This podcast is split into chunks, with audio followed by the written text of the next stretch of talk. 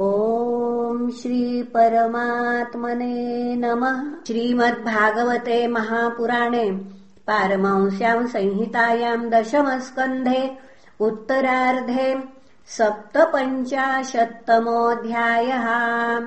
श्रीशुक उवाच विज्ञातार्थोऽपि गोविन्दो दग्धानाकर्ण्यपाण्डवान् कुन्तीम् च कुल्यकर्णे सह रामो ययौ कुरून् भीष्मम् कृपम् सविदुरम् गान्धारीम् द्रोणमेव च। तुल्यदुःखौ च सङ्गम्य हा कष्टमिति होचतुः। लब्ध्वैतदन्तरम् राजन् शतधन्वानमोचतुः अक्रूरकृतवर्माणौ मणिः कस्मान्न गृह्यते।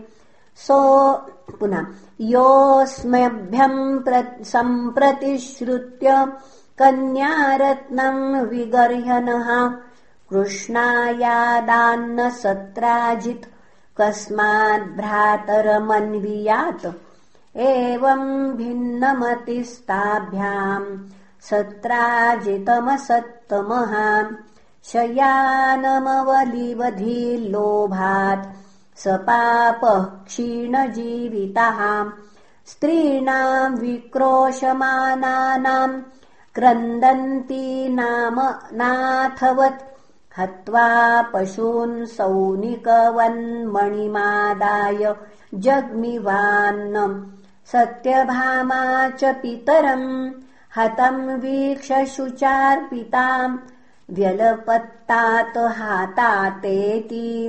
हा हतास्मीति मुह्यतिम् तैलद्रोण्यामृतम् प्रास्य जगाम गजसाभयम् कृष्णाय विदितार्थाय तप्ता चख्यौ पितुर्वधम् तदा कर्णेश्वरौ राजन्ननुसृत्य नृलोकताम्।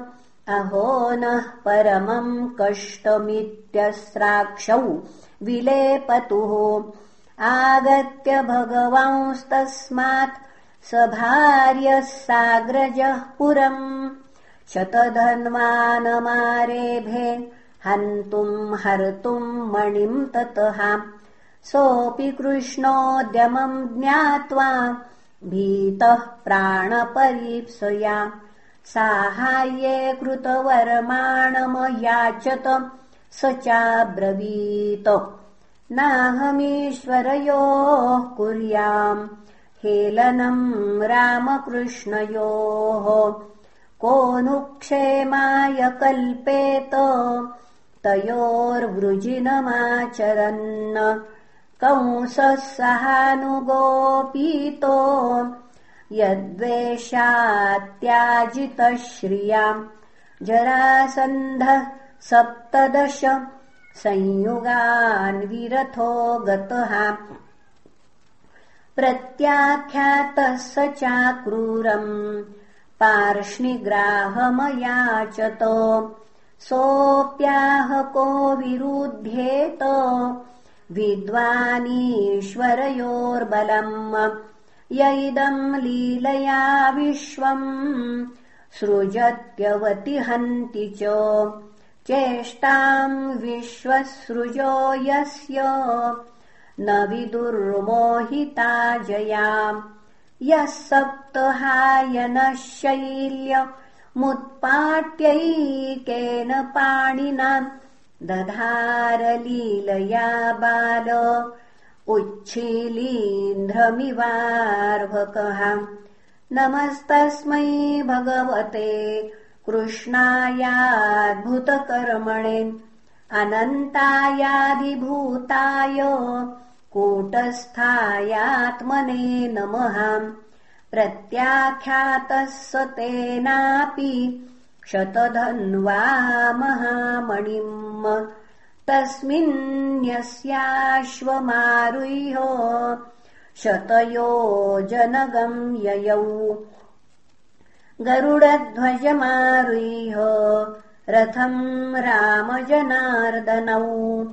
अन्वयाता महावेगैरश्वै राजन् गुरुद्रुहम् मिथिलायामुपवने विसृज्य पतितम् हयम्। पद्भ्यामधावत्सन्त्रस्त कृष्णोऽप्यन्वद्रवद्रुषा पदातेर्भगवांस्तस्य पदातिस्तिग्मनेमिना चक्रेण शिर उत्कृत्य वाससो व्यचिनोन्मणिम् अलब्धमणिरागत्य कृष्णः आहाग्रजान्तिकम्। वृथा हतः शतधनुर्मणिस्तत्र न विद्यते।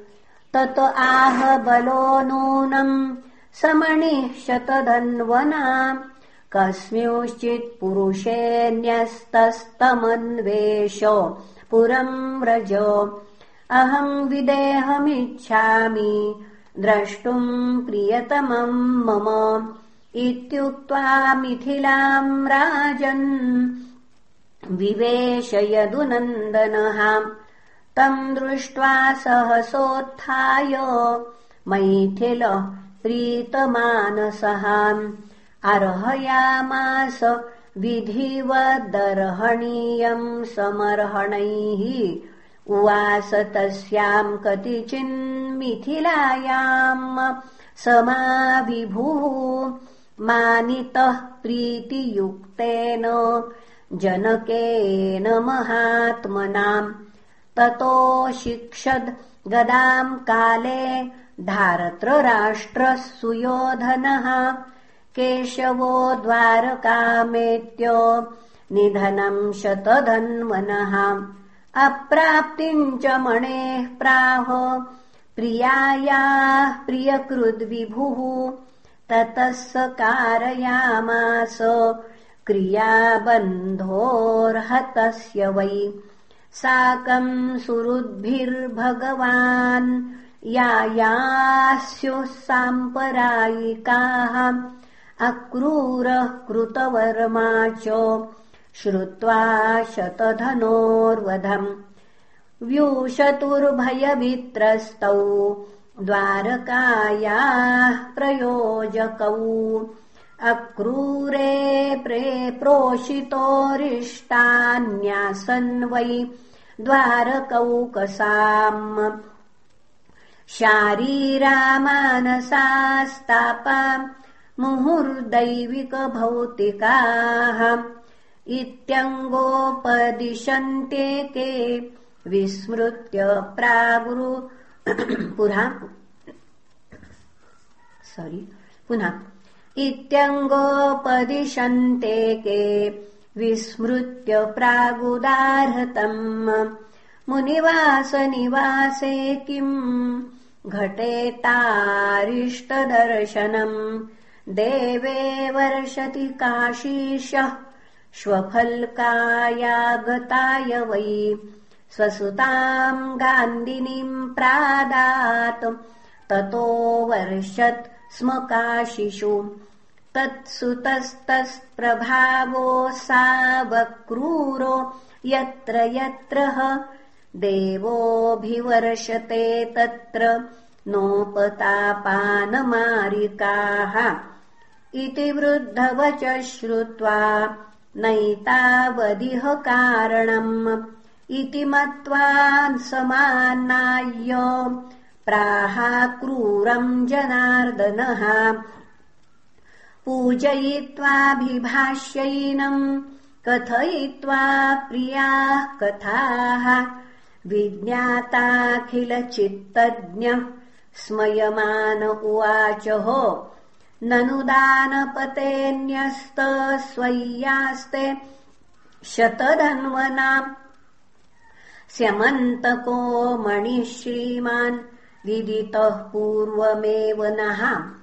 सत्राजितो न पत्यत्वात् गृह्णीर्युर्दुहितुः सुताः दायम् निनीयापः पिण्डान् विमुच्चर्णम् च शेषितम् तथापि दुर्धरस्त्वन्यैस्त्वय्यास्ताम् सुव्रते मणिः।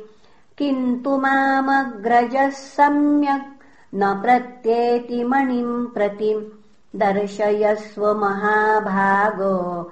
बन्धूनाम् शान्तिमावह अव्युच्छिन्नामखास्तेद्य वर्तन्ते रुक्मवेदयः एवम् सामभिरालब्ध श्वपल्कम् पुनः एवम् सामभिरालब्ध श्वफल्कतनयो मणिम् आदाय वाससाच्छन्नम्।